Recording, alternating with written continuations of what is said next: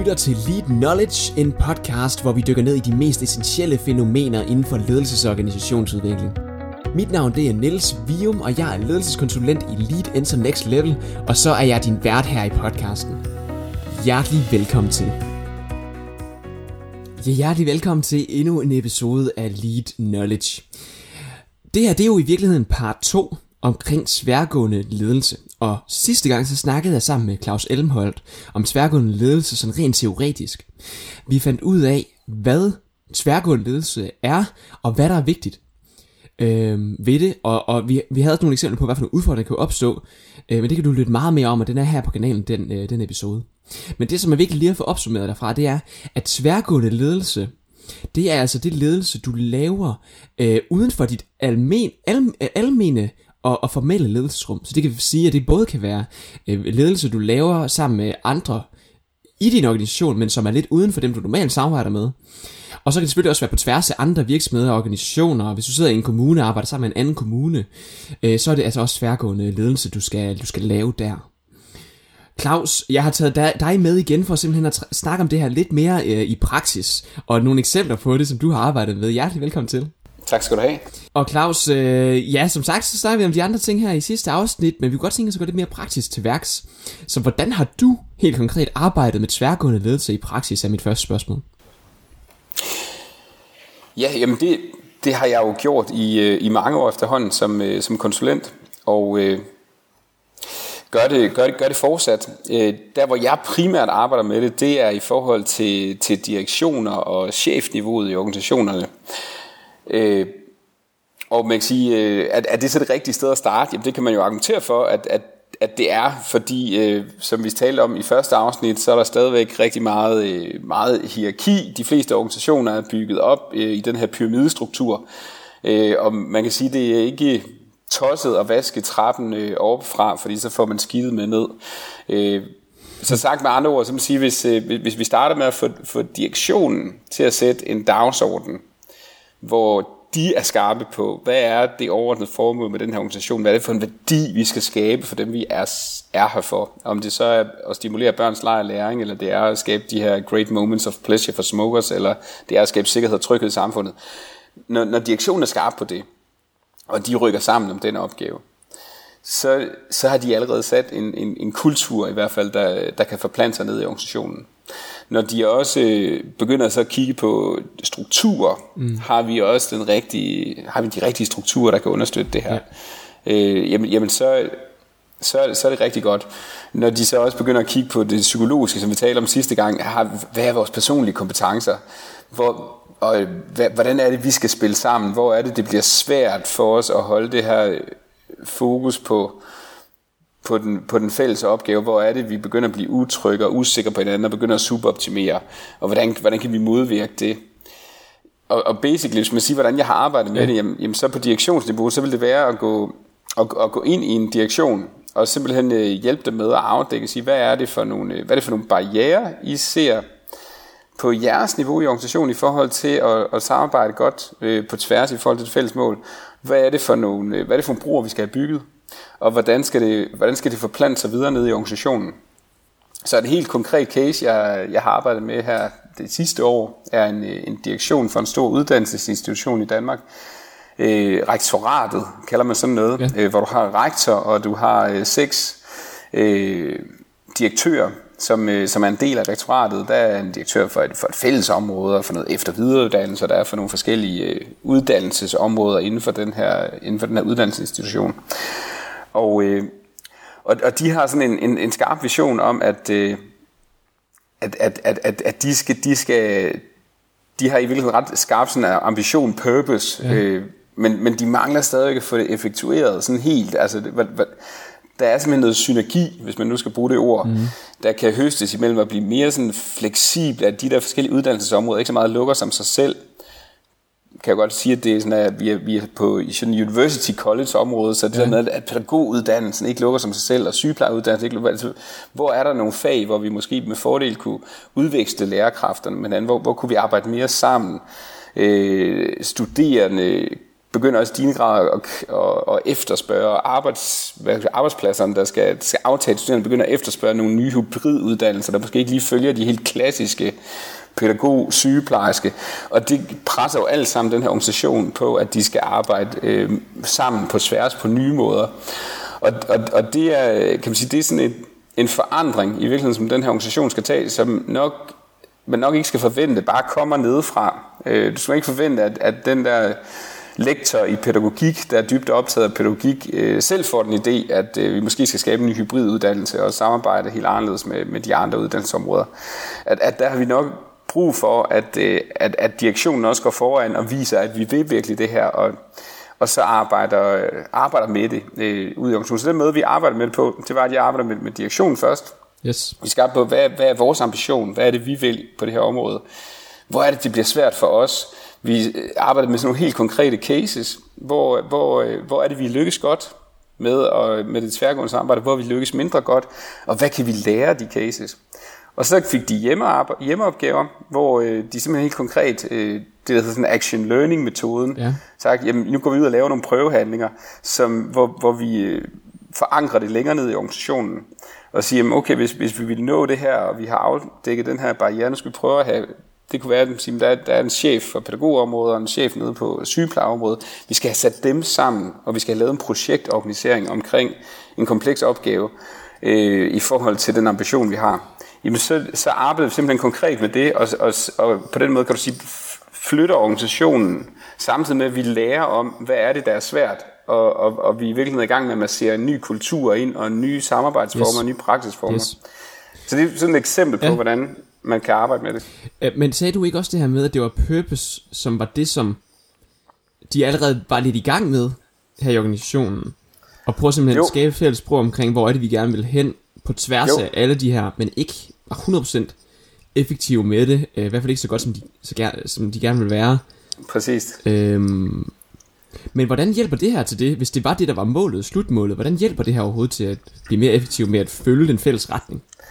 Jamen det hjælper, det hjælper jo på den måde, at hvis, hvis du har et, rektorat, ja. eller en direktion, som, er, som alle sammen lever virksomhedens purpose i alle deres handlinger, og det er det, de kommunikerer videre ud i, deres, i den del af organisationen, de har ansvar for.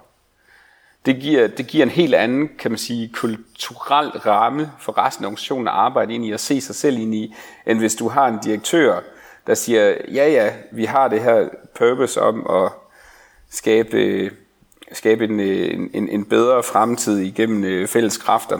Jeg kan ikke, faktisk ikke lige huske den konkrete organisationspurpose, men, men, mm. men vi ved godt, at det vi brænder for, det er pædagogikken, og det er det, vi er her for, og, og det er nu engang pædagogikken, vi primært skal varetage. Nu karikerer jeg det, fordi sådan, sådan siger yeah. de ikke, fordi yeah. de er meget orienteret på, på, på det felt. Men hvis du så, så har nogle direktører, der, kan man sige, der, der går ud og fortæller sådan en historie, yeah så, så understøtter det ikke en kultur, hvor man så øh, skaber de der resultater sammen med, med de andre søjler. Mm. Så du kan sige, det, det jeg synes, det man kan ved at arbejde, starte med at arbejde med en direktion, det er i virkeligheden, at du på direktionsniveauet, der har du magten til at ændre på det strukturelle, som vi talte om i program 1. Altså du har magten til at sætte organisationsformen, har magten til at kigge på, hvordan man allokerer økonomiske ressourcer, har vi en økonomistyring, der understøtter, at, at vi lykkes på tværs, og øh, har, har vi den rigtige IT-understøttelse osv. Men, men det er også på direktionsniveau, du har meget stærk øh, kan man sige, magt til at påvirke, hvad er det for en kultur, der sættes ud i resten af organisationen, igennem, igennem din adfærd. Så det at arbejde med, med hvad er det for en kultur, hvad, hvordan er det, vi, hvad er det for nogle værdier, vi kommunikerer igennem vores handlinger, ja. øh, det, det kan man arbejde med i direktion. Okay. Og øh, så ved jeg jo også, nu har vi siddet og snakket det sammen også i forinterviewet, og vi snakkede også om sidste gang, men du har også øh, en anden case, som jeg ved, du har arbejdet med i forhold til det her. Vil du ikke prøve hurtigt at sætte os, også mig og, og lytteren ind i, hvad den gik ud på, og hvad der var særligt interessant ved den case? Jo, den anden case er fra øh, af en stor privat virksomhed inden for mediebranchen i Danmark. Øh, I virkeligheden øh, på mange måder lige så kompleks, eller måske i virkeligheden mere kompleks øh, end end, øh, end den her uddannelsesinstitution. Og også sådan en klassisk øh, hierarkisk, at du sige, pyramide opbygget, ja. men dog med en masse matrix organiseret øh, organisering ind over pyramidestrukturen, en masse projektorganisering ah. ind over pyramidestrukturen, så du har i virkeligheden at gøre med en organisation, der, der er ekstremt kompleks, og, og, og den der kompleksitet er i sig selv i virkeligheden en barriere eller en udfordring, for, fordi ofte, når, når man længere ned i den organisation skulle, skulle træffe beslutninger, så var der utrolig mange, øh, man, skulle tage, man skulle tage i ed, der skulle ind over. Øh, og, og, og det i sig selv øh, var faktisk en barriere, som, øh, som, vi, som vi snakkede om, hvordan, hvordan kan vi i virkeligheden forenkle også nogle af de her afgange, hvordan kan vi undgå, at, at, at man at man, det der også kan gå galt i, i sådan den hierarkiske opbygning, ja. det er, at man, man skal op, og så skal man have tre chefer taget i ed, for at man så kan løse noget på et lavere niveau. Så hvordan kan vi have større tillid til, at man kan, at man kan rykke af på tingene på et lavest muligt niveau? Hvordan kan vi udvikle den kapabilitet helt ud hos frontmedarbejderne, helt ud hos teamlederne ude i frontenden, til til at, øh, at, at, at samarbejde og at træffe beslutninger på, på tværs, i stedet for at, at vi får den her kompleksitet og flaskehals, at alting hele tiden skal op for at komme ned igen. Så det var, det var noget af det, vi, vi arbejdede mm. med den organisation. Okay. Og man kan sige, og, og det var sådan, altså, det var sådan, det var en, Altså det, det man ser inden for, inden for de der store private organisationer, det er jo, det er jo typisk sådan noget, jeg nu skal prøve at give et eksempel på det. At, øh, at, at man jo også typisk her har, øh, har, har den her meget sådan, øh, som man kan sige, øh, resultatstyring, hvor du kører performance management, du kører key performance indicators, som typisk er koblet op på individer og koblet op på afdelinger. Og noget af det, der tit bliver svært, det er, at, at når kompleksiteten i den opgave, I skal løse sammen, den stiger, så er der typisk en masse ting, der faktisk ikke er, er målsat som en KPI, som faktisk bliver vigtig for, at man kan lykkes. Ja, sig noget mere om det. For, jamen for eksempel, at øh, salgsafdelingen har nogle måltal på, hvor meget man kan sælge af et givet produkt. Produktion, udviklingsafdelingen har, øh, har nogle kopier omkring at udvikle og modne nogle nye produkter.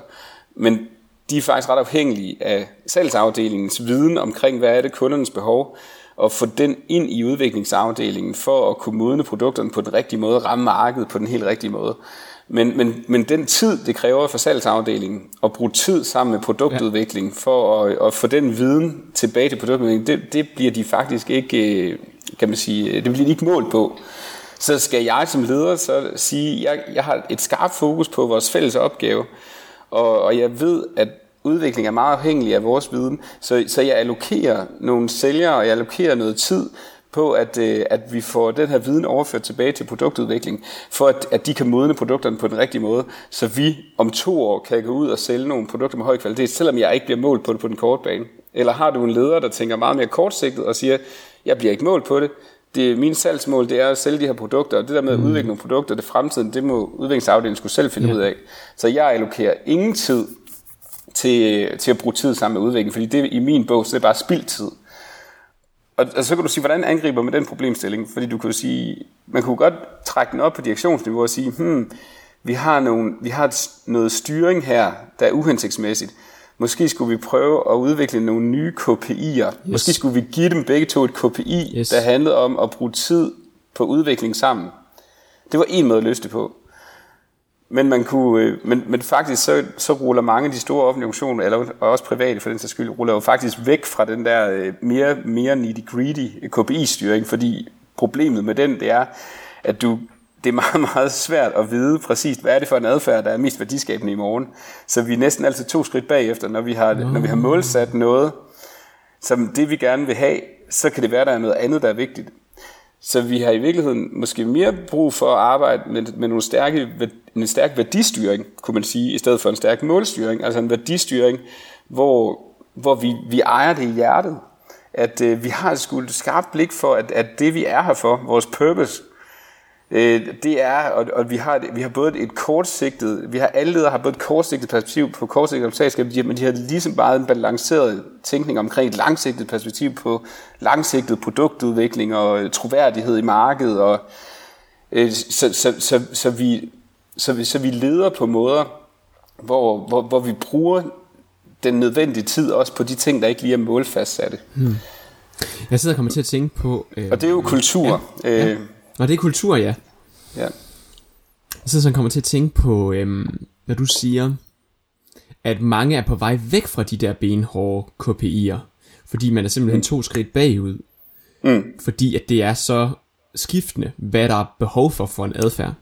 Præcis. Øhm, tror du, det er...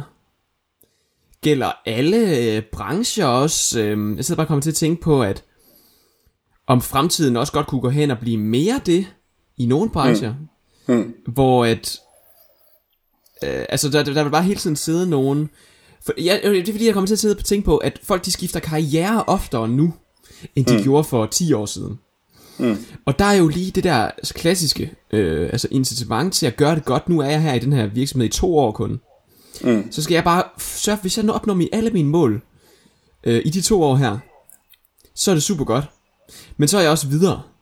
Øh, fordi så har jeg performet perfekt, og jeg får et fint ny stilling, højere løn, mere prestige næste gang. Så længe jeg gør ja. det. Men jeg kan jo så, hvis jeg kører den strategi, så kan jeg jo fuldstændig ligeglad med de overordnede mål, og i virkeligheden også med det tværgående samarbejde, så længe jeg ikke bliver mål på, hvor god jeg er til det tværgående samarbejde.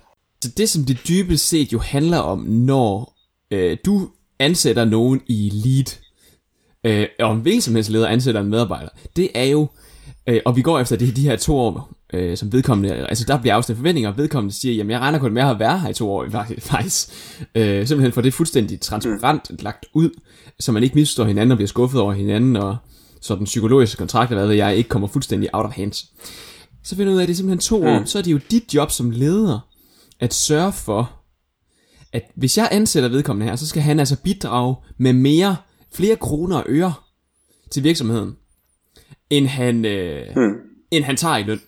Det er jo sådan dybest set det, det her. Meget gerne. Og der er selvfølgelig noget med lang sigt og kort ja. sigt, og der vil også være nogle organisationer, hvor man kan sige sådan, jamen vi ansætter nogen nu, for at øh, vores virksomhed ikke går konkurs, øh, selvom at mm. man ikke kan se det på bundlinjen med det samme, at, at vedkommende, det kan man selvfølgelig, hvis det er en konkurs, det drejer sig om, men altså, der kan være nogle, man ansætter, hvor det ikke er direkte skal ses på bundlinjen, men sådan for fremtidig vækst og fremtidig branding og sådan noget. Er det rigtigt forstået?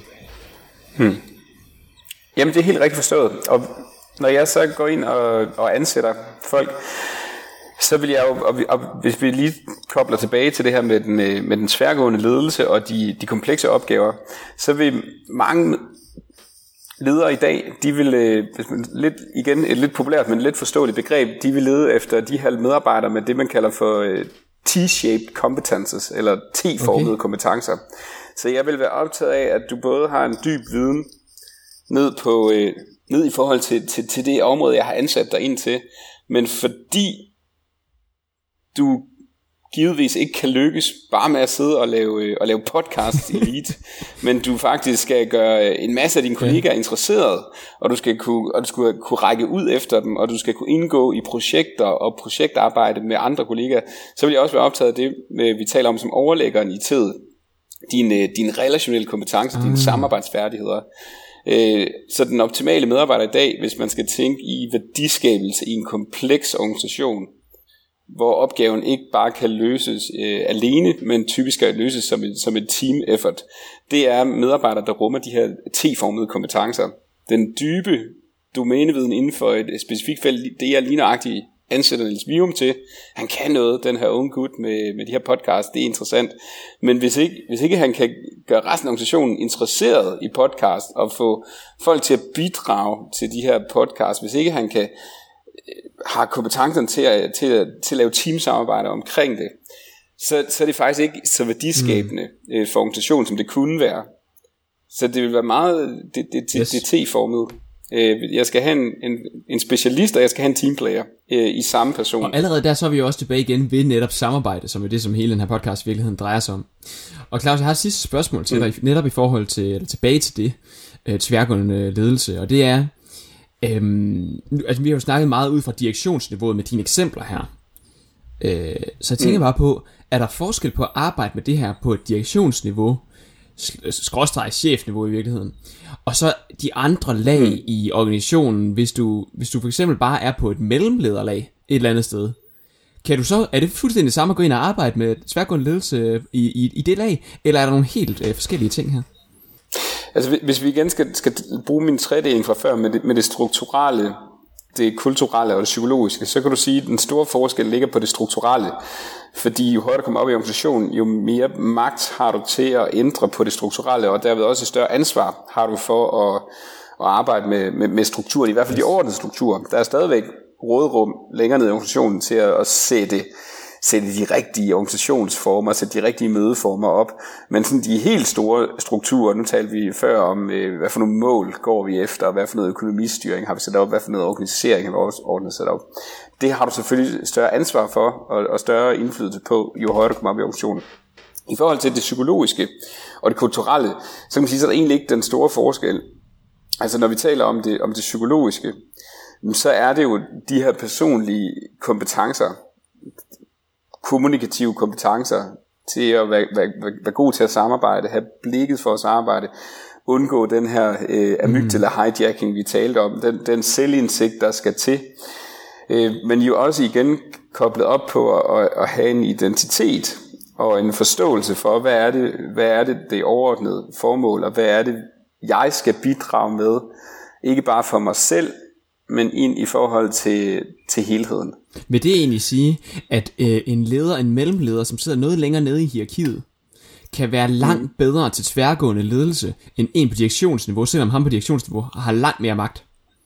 Jamen, det, kan, det, er, det er jo egentlig det typiske billede. Det er faktisk det typiske i, billede. I, i forskning, ja. Okay, det er spændende. At, øh, det. det ser ud som om, at, at der hvor det faktisk går bedst med at få etableret tillid i relationerne, og, øh, og, og, og samarbejde og koordinering på tværs, det er altså igen helt generelt set, det er, det er ude i frontenden, det er ude hos de fagprofessionelle. Okay. Øh, og, og på direktionsgangen og på chefniveauet er, er det typisk faktisk der, hvor de største barriere er i organisationerne. Hmm, det giver mening, igen, det er dem, du har været ude at arbejde med så, hvis det er den, har ja, for det. Igen, det, det, er, altså, det er jo komplekst, og det hænger sammen, fordi du kan sige, igen, de højere ledelsesniveauer, de skaber forudsætningerne for det, der sker længere ude i organisationen.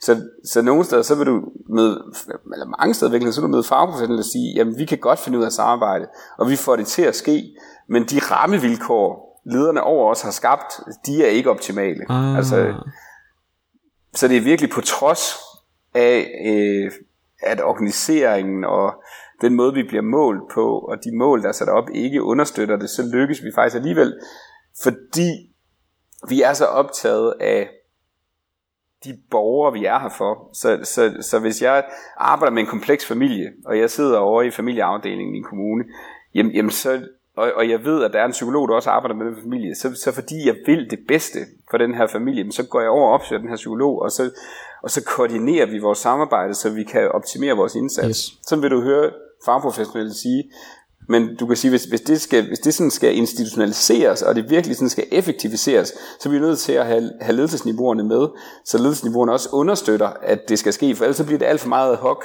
Så bliver det der, hvor socialrådgiveren og psykologen har en god personlig relation, det sker.